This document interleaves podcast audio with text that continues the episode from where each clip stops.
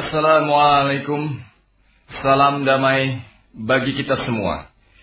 Yang terhormat Hakim Kazi, para sesepuh, para undangan, para wartawan, saudara dan saudari semuanya. Banyak sekali sumber trauma dan juga konflik yang dihadapi wanita saat ini. Kita harus berusaha untuk menemukan pemecahan masalah tersebut secara menyeluruh dan juga manusiawi. Dalam konteks tersebut, dalam perbincangan mengenai hak-hak wanita kali ini, dengan ketertarikan kita terhadap masalah kemanusiaan, cukup untuk menjadi alasan mengapa kita memilih menghadiri pertemuan ini daripada pergi ke tempat lain. Atas nama Islamic Research Foundation, saya Dr. Muhammad Naik, koordinator dari program hari ini, mengucapkan selamat datang kepada Anda semua dengan segala kerendahan hati dan ketulusan hati. Kita akan memulai acara hari ini dengan pembacaan Kitab Suci Al-Quran oleh Saudara Asrofi Muhammad yang tentunya juga akan diikuti dengan pembacaan terjemahannya. Assalamualaikum warahmatullahi wabarakatuh. أعوذ بالله من الشيطان الرجيم.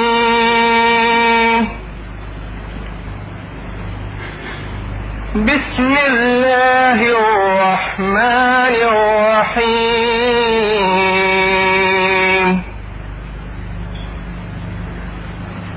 يا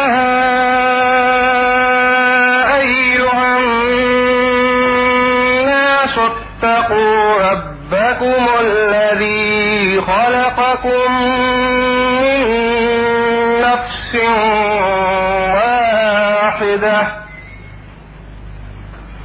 وخلق منها زوجها وبث منهما رجالا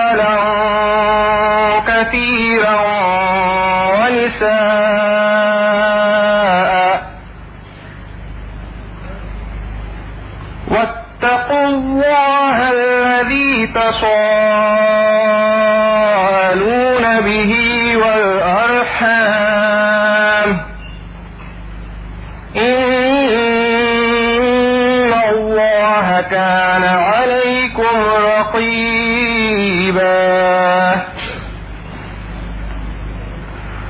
وآتوا اليتامى تبدلوا الخبيث بالطيب. ولا تأكلوا أموالهم ولا تأكلوا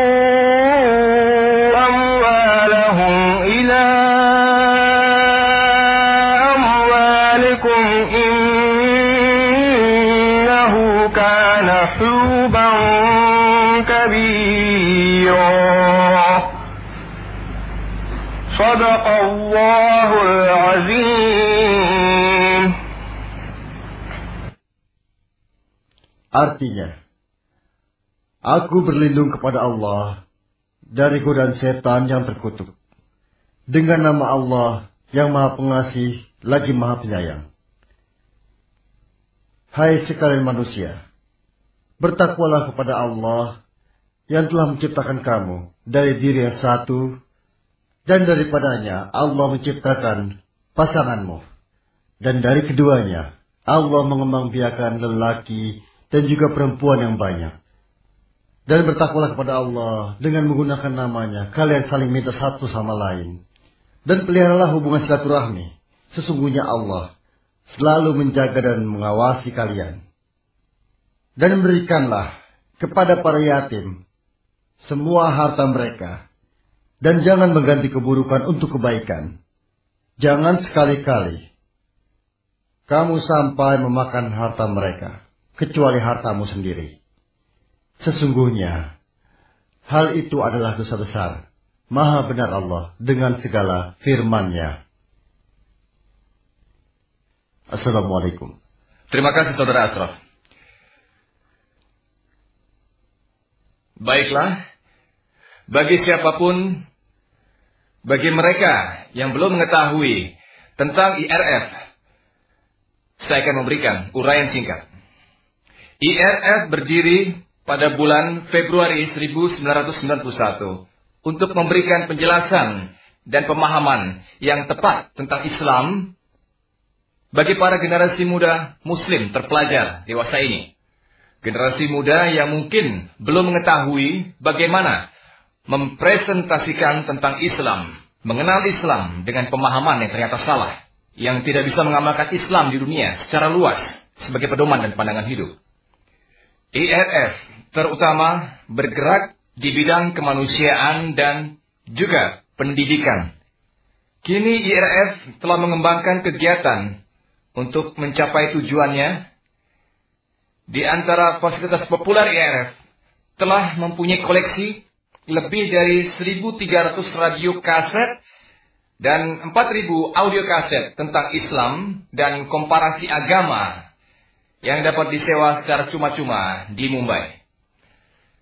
Kami juga telah mempublikasikan lebih dari 50 kali kesempatan tentang Islam dan komparasi agama yang dapat diperoleh secara cuma-cuma sesuai permintaan di seluruh India.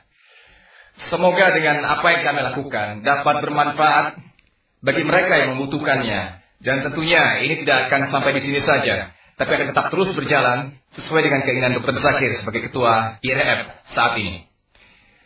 Hari ini beliau akan memperbincangkan tentang hak-hak wanita dalam Islam, modernisasi atau ketinggalan zaman yang akan diikuti oleh sesi tanya jawab.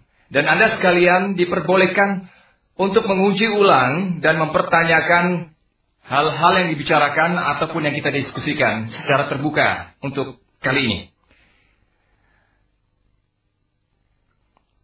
Bisa kita mempertanyakan tentang hak dan keadilan bagi wanita di sidang kita hari ini dalam konteks hukum Islam dan pandangan-pandangan kita kita sangat memerlukan ahli tentang hal itu.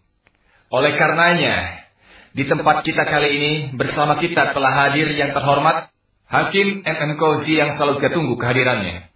Beliau ini telah hampir 30 tahun 1968 hingga 1991 telah menjadi pejabat hukum di Pengadilan Tinggi Bombay dengan predikat yang begitu memuaskan dan menjadi panutan untuk kita semua. Lalu, Hakim M. Kozi menjadi muslim pertama setelah Hakim Tagara yang diangkat menjadi pejabat hukum di Pengadilan Tinggi Bombay dari 1981 hingga 1992.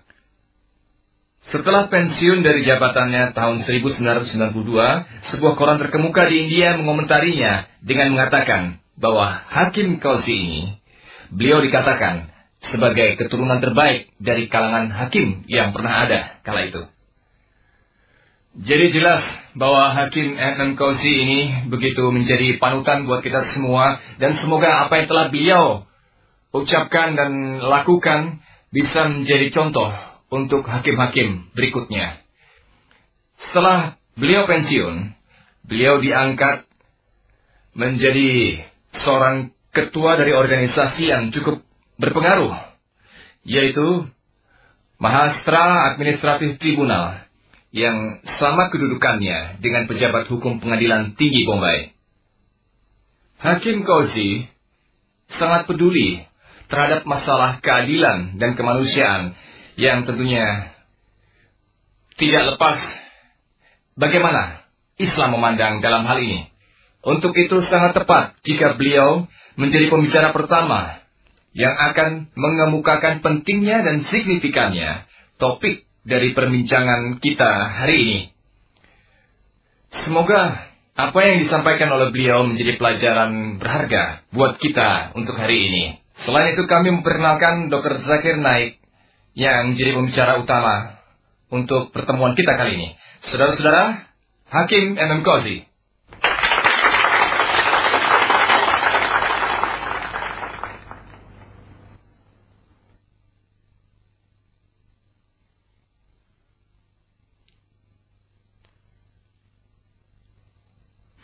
Yang terhormat pembicara kita hari ini, Dr. Zakir Naik, uh, Dr. Muhammad Zakir Naik, Bapak Duta Besar, yang terhormat Bapak Homi Taryakan, para tamu dan para saudara-saudara sekalian.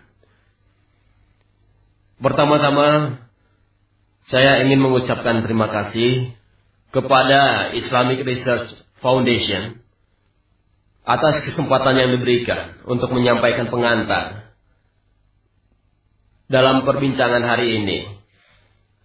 Saya juga ingin berterima kasih kepada Dr. Muhammad Naik yang begitu tinggi memuji saya. Topik perbincangan kita hari ini adalah hak-hak wanita di dalam Islam. Apakah itu sebuah modernisasi atau model yang sudah ketinggalan zaman? Modernisasi artinya sesuatu yang tidak ketinggalan zaman. Tapi dalam konteks perbincangan kita, artinya adalah kenaikan yang diberikan kepada wanita di dalam agama Islam sejak 14 abad yang lalu. Dan itu relevan sampai sekarang. Kedudukan wanita dalam spektrum sosial akhir-akhir ini diberikan lebih banyak porsi perhatiannya. Masalah wanita di dalam Islam seperti talak, poligami, dan partisipasi wanita muslim di dalam kegiatan sosial politik sering diangkat dan dimunculkan dalam media-media massa sebagai sebuah berita besar. Ini adalah masalah umum yang banyak dibicarakan akhir-akhir ini. Sebagian ada benarnya, dan sebagian lagi hanyalah permainan media untuk memunculkan sensasi dari sebuah berita. Dan tidak diragukan lagi bahwa wanita di barat telah mendapatkan hak hukum dan juga hak politik serta hak-hak sosial ekonomi yang telah didapat selama hampir 200 tahun. Tetapi saya ingin mengatakan pada Anda bahwa dalam perjuangan mendapatkannya mereka itu telah kehilangan kehormatannya di dalam masyarakat barat, kehidupan keluarga, kesadarannya, dan ikatan sesama wanita. Dan hal ini sangat kita sayangkan. Sebaliknya, seperti yang kita lihat, di dalam agama Islam telah memberikan kepada wanita hak-haknya selama hampir 14 abad ketika kehidupan modern saja masih mempertimbangkannya, apakah akan menganggap wanita sebagai manusia atau tidak. Dan saat ini kita akan mulai membicarakan apakah hak-hak yang diberikan oleh agama Islam kepada wanita adalah benar-benar sudah tepat dan layak. Dan apakah hal ini sudah merupakan hal yang kuno? Dalam kesempatan ini kita mempunyai pembicara, Dr. Zakir Naik, yang nantinya akan mengupas tuntas permasalahan tersebut.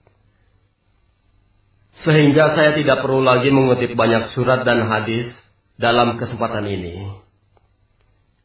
Tetapi untuk menunjukkan betapa tingginya kedudukan wanita dalam Islam, saya akan membacakan surat Al-Baqarah ayat 228 yang menyatakan bahwa wanita dan juga lelaki mempunyai kedudukan yang sama.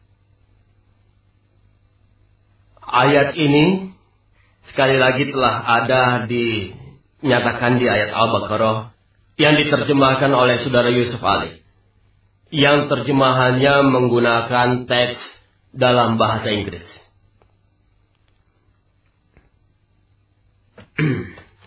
Kemudian di bagian yang lain dinyatakan bahwa lelaki mempunyai kelebihan dibandingkan seorang wanita. Inilah hal yang harus kita yakinkan benar. Karena banyak sekali orang yang menyalahpahamkan arti dari ayat ini. Saya ingin menegaskan bahwa bagian ayat tersebut tidaklah berkaitan dengan kedudukan pria dan wanita. Di sini telah ditegaskan bahwa wanita dan pria mempunyai kedudukan yang sama di dalam Islam. Jadi pengertiannya sudah cukup jelas bahwa lelaki mempunyai kelebihan dibandingkan wanita. Inilah hal yang harus kita yakinkan. Kita semua meyakinkan bahwa hal ini adalah benar-benar nyata. Karena dengan keyakinan itu akan membantu kita di dalam memahami bagaimana kedudukan wanita dan pria secara tepat. Juga dalam memahami secara benar agar tidak terjadi kesalahan-kesalahan dan agar kita tidak menyalahpahamkan arti dari ayat-ayat ini.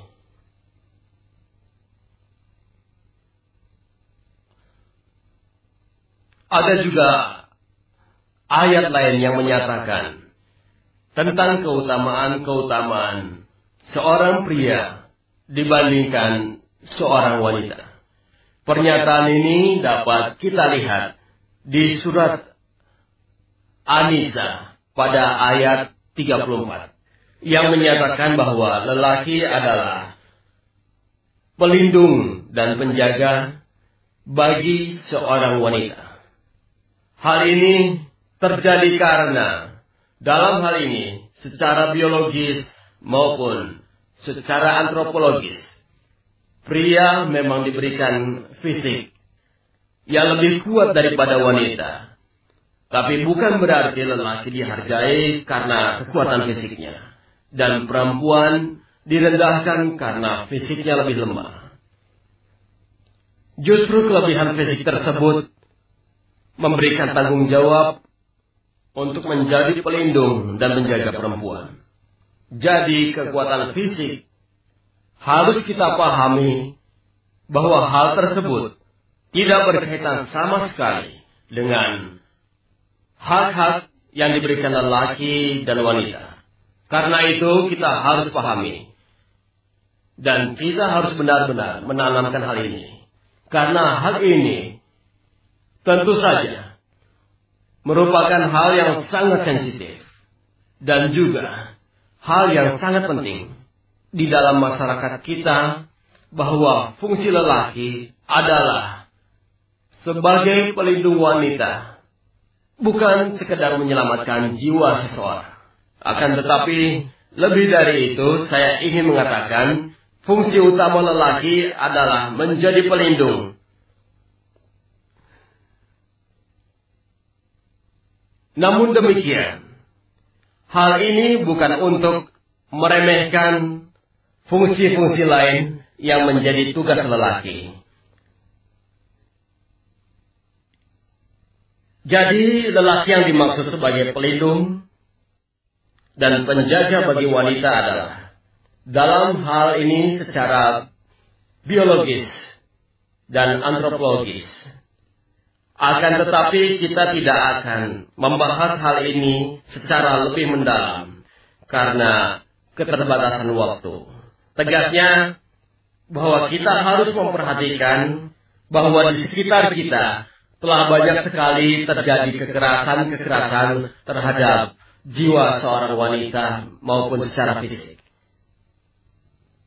Juga telah terjadi kesalahan dan pelanggaran-pelanggaran hak wanita.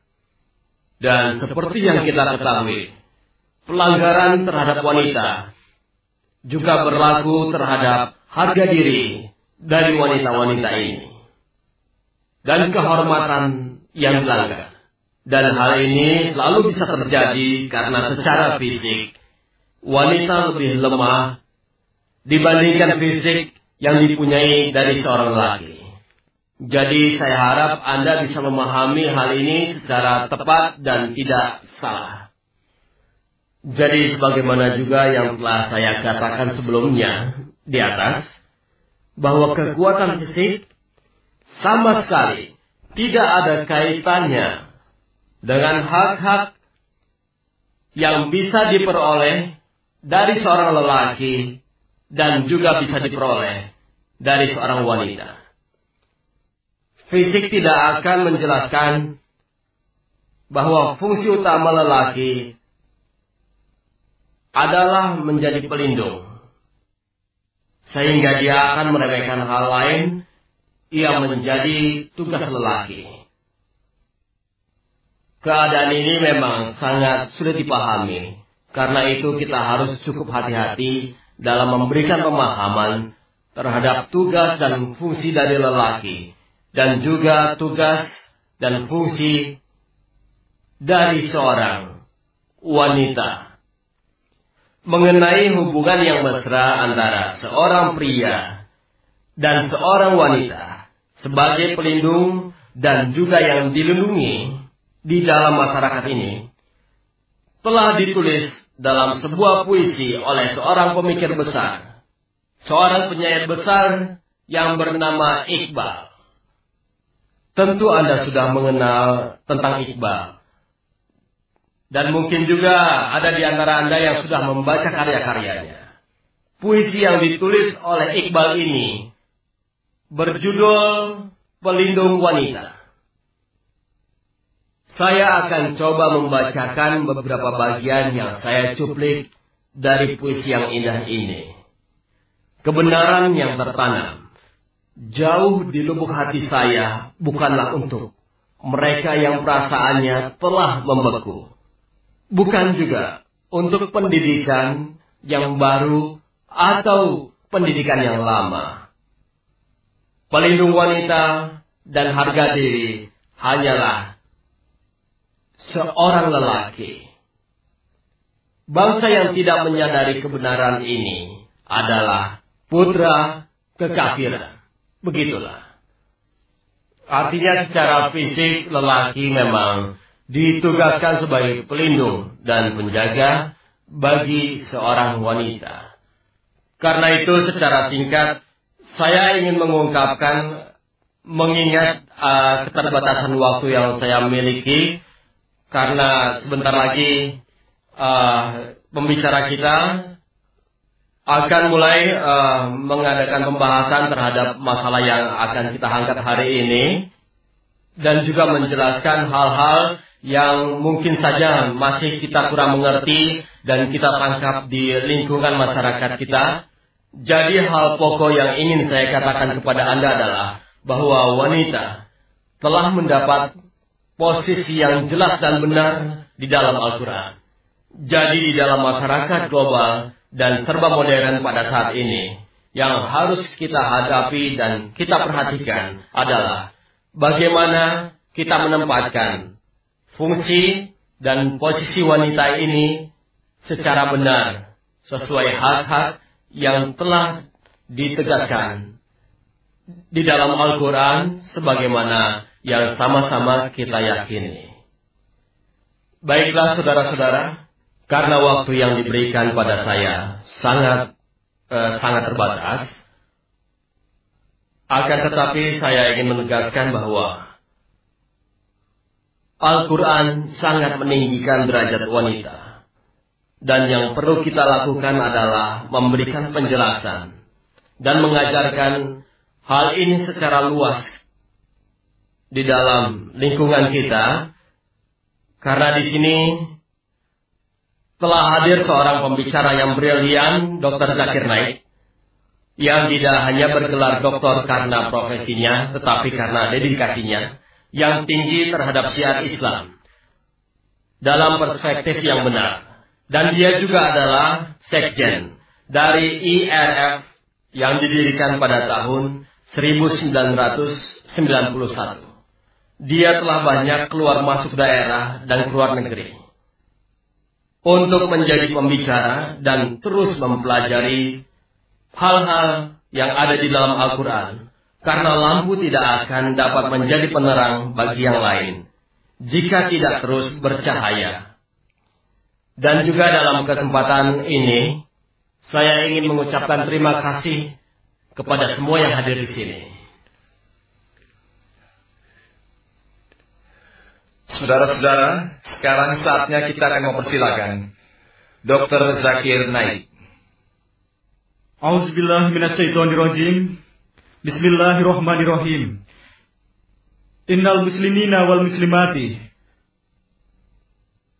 wal mu'minina wal mu'minati wal kainitina wal kainitati wal sodikina wal sodikoti wal sobirina wal sobiroti wal hasina wal hasyati wal mutsodikina wal mutsodikoti wal soimina wal soimati wal hafizina furujuhum wal hafizati wal zakirina Allah kasiran wal zikroti bahwasanya Allah menjanjikan kepadanya pahala yang berlimpah. Bismillahirrahmanirrahim. Rabbi srohli sodri, wa yasirli amri, wahlul uqdatam milisani yafkohu qawli. Yang terhormat Hakim MM Kaji, para sesepuh, para wartawan yang hadir, dan juga kepada saudara semua, Assalamualaikum warahmatullahi wabarakatuh. Semoga kita semua yang hadir mendapatkan perlindungan dari Allah Subhanahu wa taala. Topik kita hari ini adalah hak-hak wanita dalam Islam. Modernisasi atau ketinggalan zaman. Menurut Kamus Oxford, hak wanita adalah hak yang menaikkan tingkat kualitas kehidupan sosial dan hukum terhadap pria dan wanita. Menurut kamus tersebut, hak yang harus diklaim adalah hak yang sama yang diberikan kepada pria dan wanita dalam hal kepemilikan dan juga yang lainnya. Modernisasi, menurut kamus, kamus Oxford dalam hal ini, modernisasi yaitu membuat modern kebutuhan atau kebiasaan.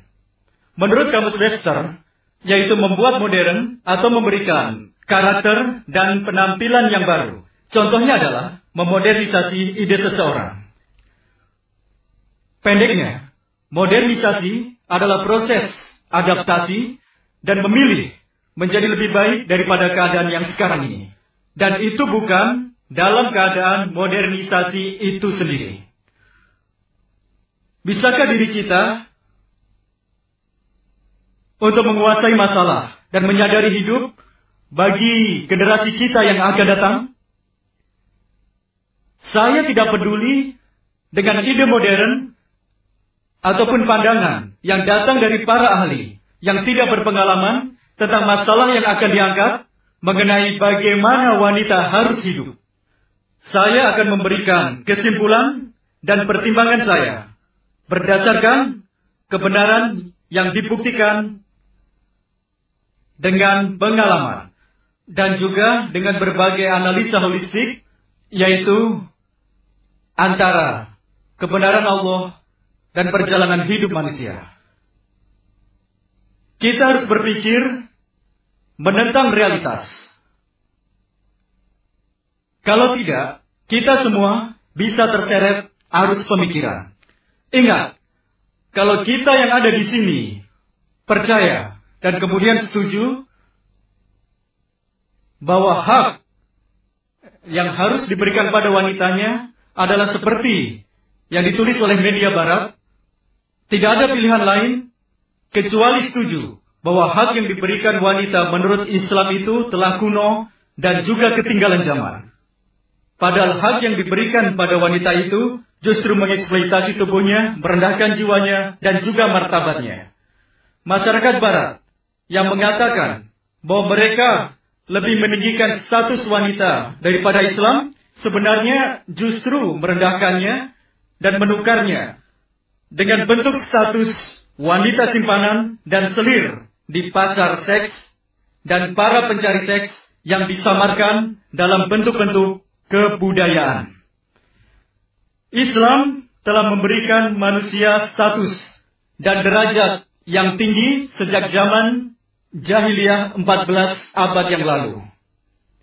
Islam terus memodernisasi pemikiran dan kehidupan, perasaan kita, perjuangan kita untuk memberikan wanita tempatnya yang layak di tengah masyarakat.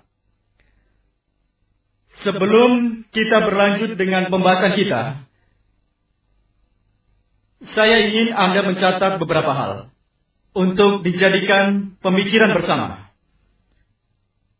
Pertama, kira-kira seperlima dari penduduk dunia adalah Muslim. Yang berbeda karakteristiknya.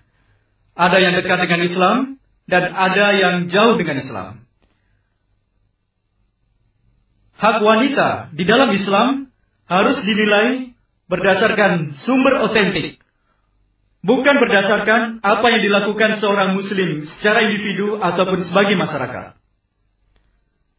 Sumber otentik Islam adalah Al-Quran, yaitu firman Allah, dan hadis otentik dari Nabi Muhammad Sallallahu Alaihi Wasallam.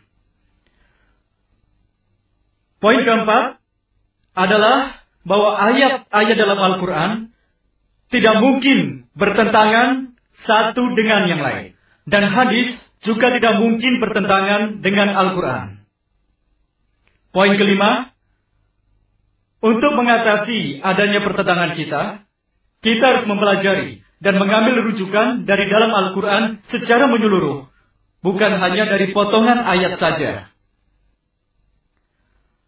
Kadangkala satu ayat yang masih belum jelas dijelaskan oleh ayat yang lain. Kadangkala orang melupakan hal ini. Dia hanya mengambil sebagian dari ayat yang ada dalam Al-Quran. Poin terakhir adalah merupakan kewajiban setiap individu muslim, pria maupun wanita, untuk mencari keridhaan Allah dan berperilaku sesuai dengan perintahnya. Tidak membenarkan sesuatu yang salah hanya untuk memuaskan ego atau kepentingan seseorang. Islam percaya akan kesetaraan antara pria dan wanita. Tapi kesetaraan tidak berarti selalu sama. Di dalam Islam, peran antara pria dan wanita saling melengkapi. Tidak ada konflik.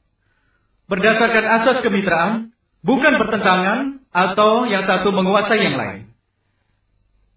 Saya akan membahas hak wanita dalam Islam dengan membaginya menjadi enam kategori. Satu, hak spiritual. Kedua, hak ekonomi. Ketiga, hak sosial. Dan keempat, hak memperoleh pendidikan. Kelima, hak hukum. Dan yang keenam adalah hak politik. Mari kita analisa hak spiritual wanita di dalam Islam. Kesalahan terbesar yang dibuat Barat terhadap Islam adalah bahwa mereka berpikir bahwa surga diciptakan hanya untuk pria, bukan untuk wanita. Ini tidak bisa dibenarkan dengan mengutip surat An-Nisa ayat 124 yang berbunyi, "Wa may ya'mal minas solihati min dzakarin aw unsa wa huwa mu'minun fa ulaika yadkhuluna al-jannata wala yudlamuna nakiro. Artinya, bahwa siapa pun yang melakukan kebaikan, laki-laki ataupun perempuan, asalkan beriman, akan masuk surga. Jadi di sini tidak ada pembeda-bedaan, semuanya sama. Dan kemudian di dalam surat An-Nahl ayat 97 menyatakan bahwa siapa pun yang beramal saleh dan beriman akan diberi pahala. Hanya karena jenis kelamin tidak menentukan seseorang bisa masuk surga atau tidak. Apakah Anda menyebutnya modernisasi atau itu kuno? Tapi yang sebenarnya, laki-laki dan perempuan dalam Islam nilainya sama di mata Allah. Kesalahan-kesalahan yang dibuat oleh media barat bahwa wanita tidak mempunyai jiwa. Sekali lagi, kesalahan-kesalahan yang dibuat oleh media barat bahwa wanita tidak mempunyai jiwa. Bahwa wanita tidak mempunyai jiwa. Padahal dalam Islam, wanita dan laki-laki mempunyai kesadaran spiritual yang sama. Sekali lagi, laki-laki dan wanita tidak dibeda-bedakan seperti dalam surat An-Nisa ayat 1 yang berbunyi, Ya ayuhan nasu taku rabbakum alladzi khalaqakum min nafsin wahidatu wa khalaqa minha zawjaha.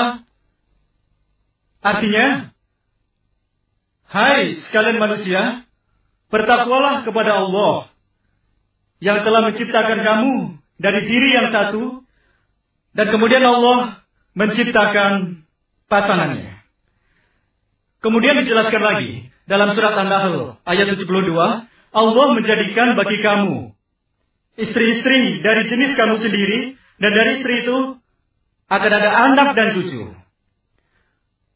Kemudian surat Asy-Syura ayat 11 yang berbunyi Fatirus samawati wal ard jalalakum min anfusikum azwaja.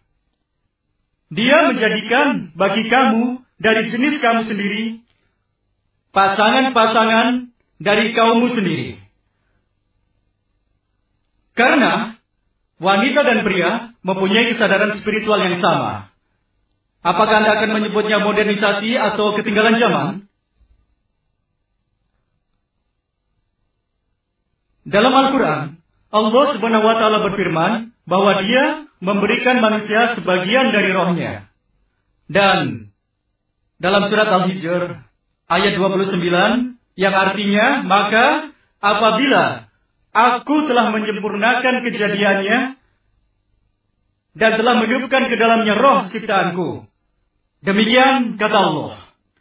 Kemudian satu lagi di dalam surat As-Sajdah surat ke-32 ayat 9 yang berbunyi Suma sawwahu Suma sawwahu wa nafaho fihi mirruhihi Artinya Kemudian dia menyempurnakan dan meniupkan ke dalam tubuhnya roh ciptaannya. Hal itu bukan berarti Allah bereinkarnasi dalam diri manusia, tetapi Allah menanamkan dalam diri manusia kesadaran spiritual tentang adanya Allah. Sekali lagi, bukan berarti Allah bereinkarnasi dalam diri manusia, tapi Allah menanamkan dalam diri manusia kesadaran spiritual tentang adanya Allah. Bahkan kesadaran spiritual ini telah diberikan kepada leluhur kita, Nabi Adam alaihissalam dan Hawa. Allah juga telah memberikan kehormatan kepada Bani Adam. Dan itu dijelaskan di dalam Al-Quran. Di dalam surat Al-Isra ayat 70, Walakot karomna bani Adama, di situ jelas dinyatakan Bani Adam mendapatkan kehormatan.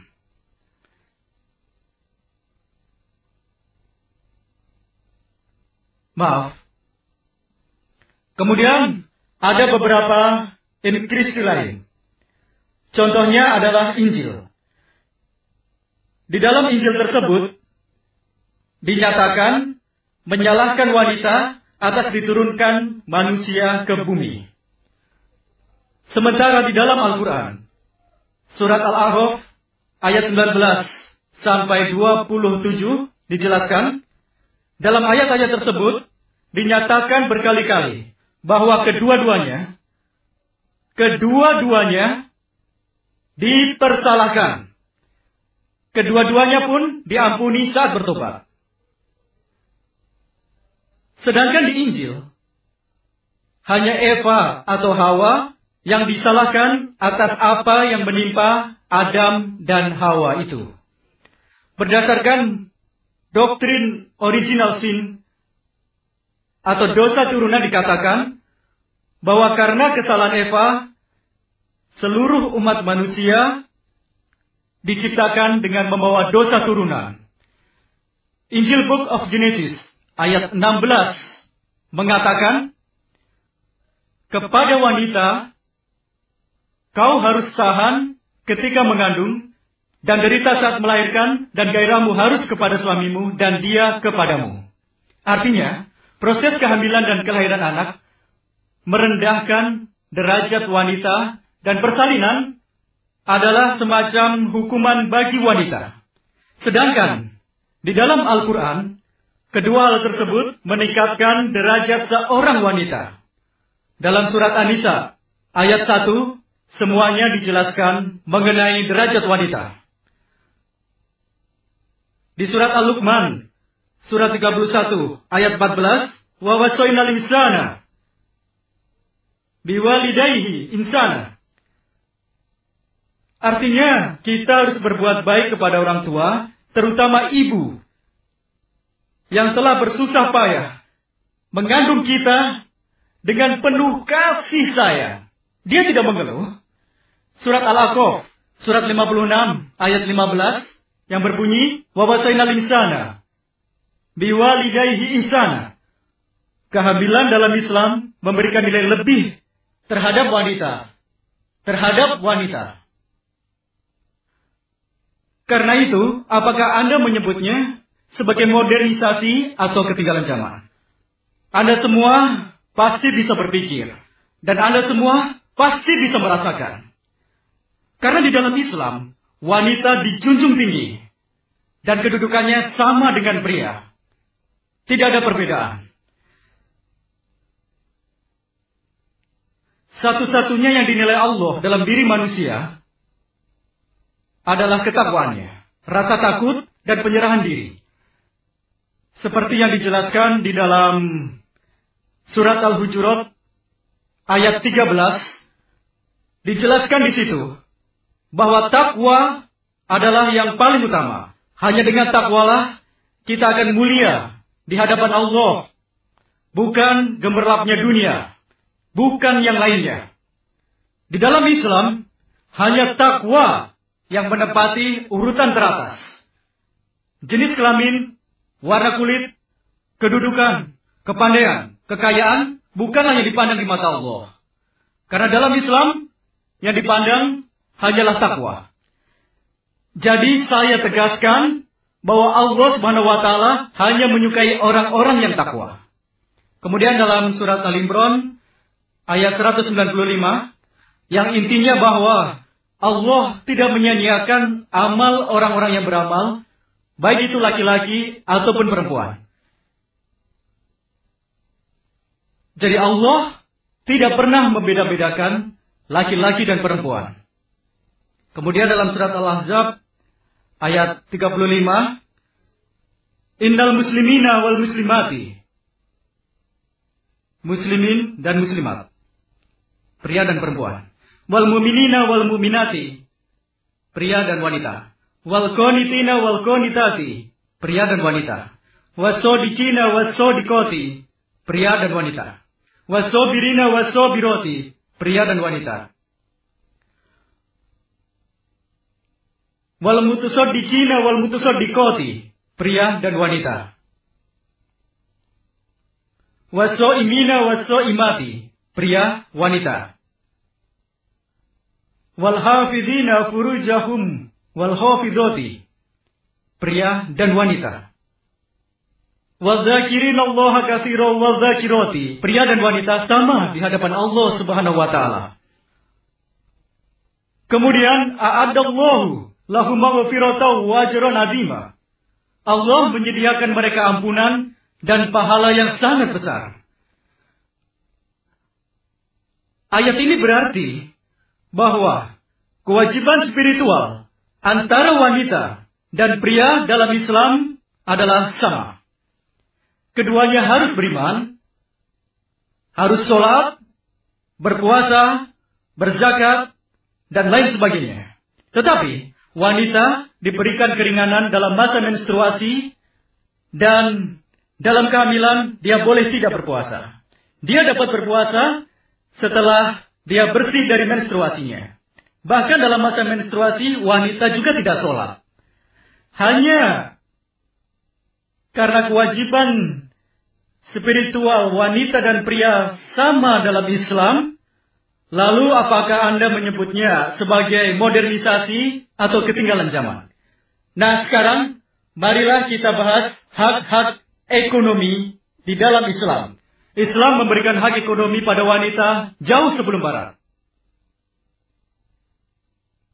Itulah hebatnya agama Islam.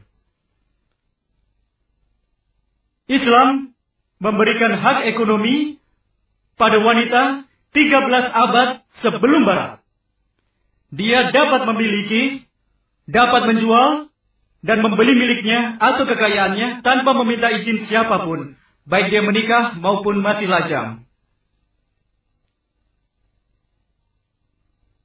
Di tahun 1870 dinyatakan bahwa Barat mengakui kepemilikan seorang wanita yang menikah. Dia dapat menjual miliknya itu tanpa bertanya pada suaminya terlebih dahulu.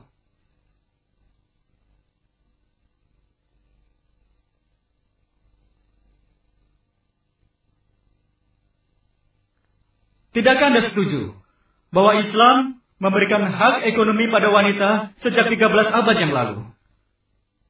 Nah, pertanyaannya adalah, hal itu termasuk modernisasi atau hal yang telah ketinggalan zaman? Dalam Islam, jika wanita ingin bekerja, dia boleh bekerja. Tidak ada teks di dalam Al-Quran ataupun Al-Hadis yang melarang wanita untuk bekerja selama dia menjaga nilai-nilai keislaman dan berpakaian sesuai dengan syariat Islam. Jadi jelas ada batasan-batasannya yaitu sesuai syariah. Dan wanita tidak boleh bekerja yang memamerkan tubuhnya. Karena itulah wanita dilarang pekerjaan yang memamerkan tubuhnya. Seperti menjadi model, bintang film, dan pekerjaan serupa. Sebagian besar pekerjaan yang dilarang bagi wanita juga dilarang bagi pria untuk melakukannya.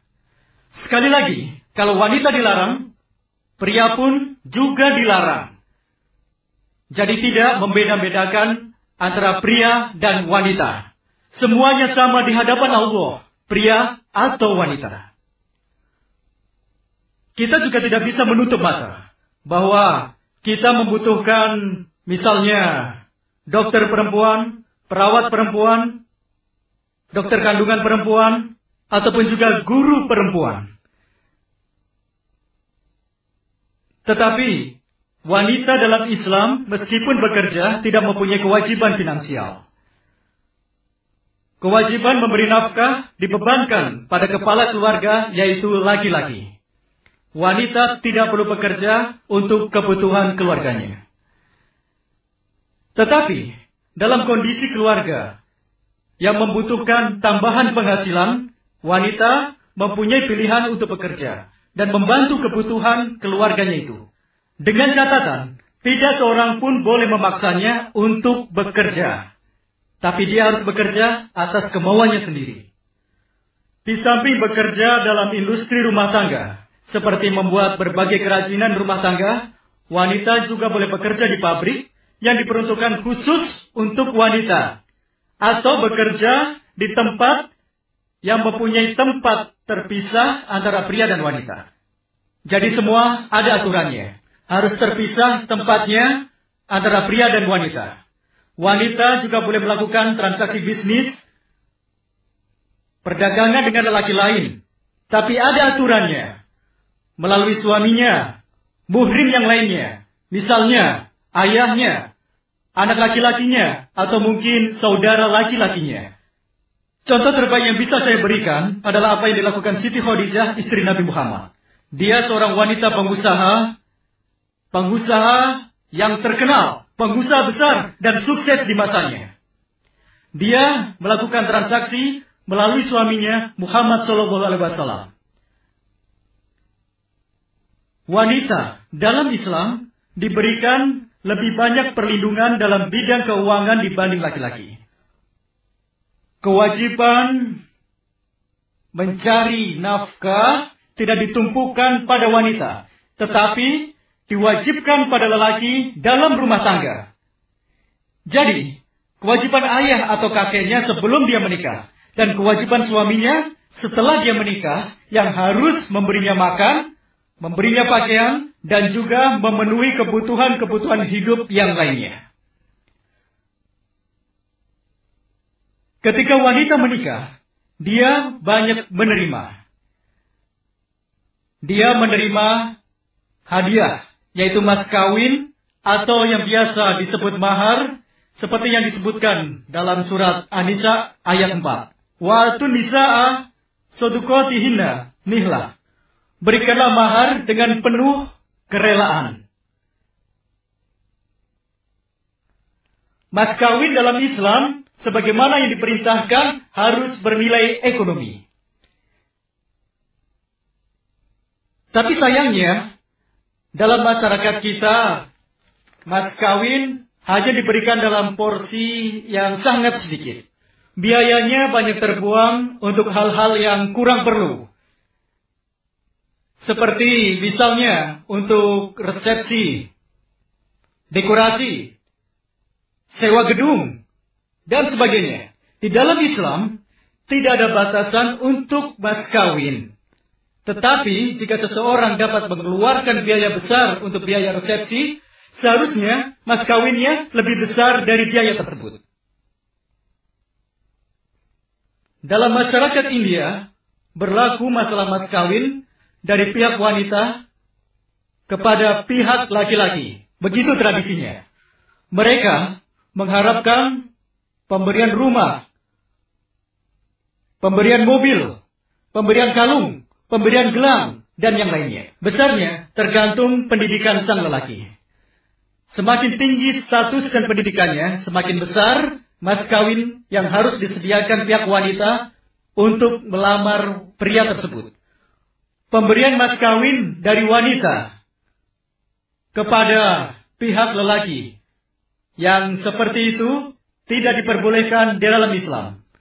Tidak dibenarkan oleh ajaran Islam.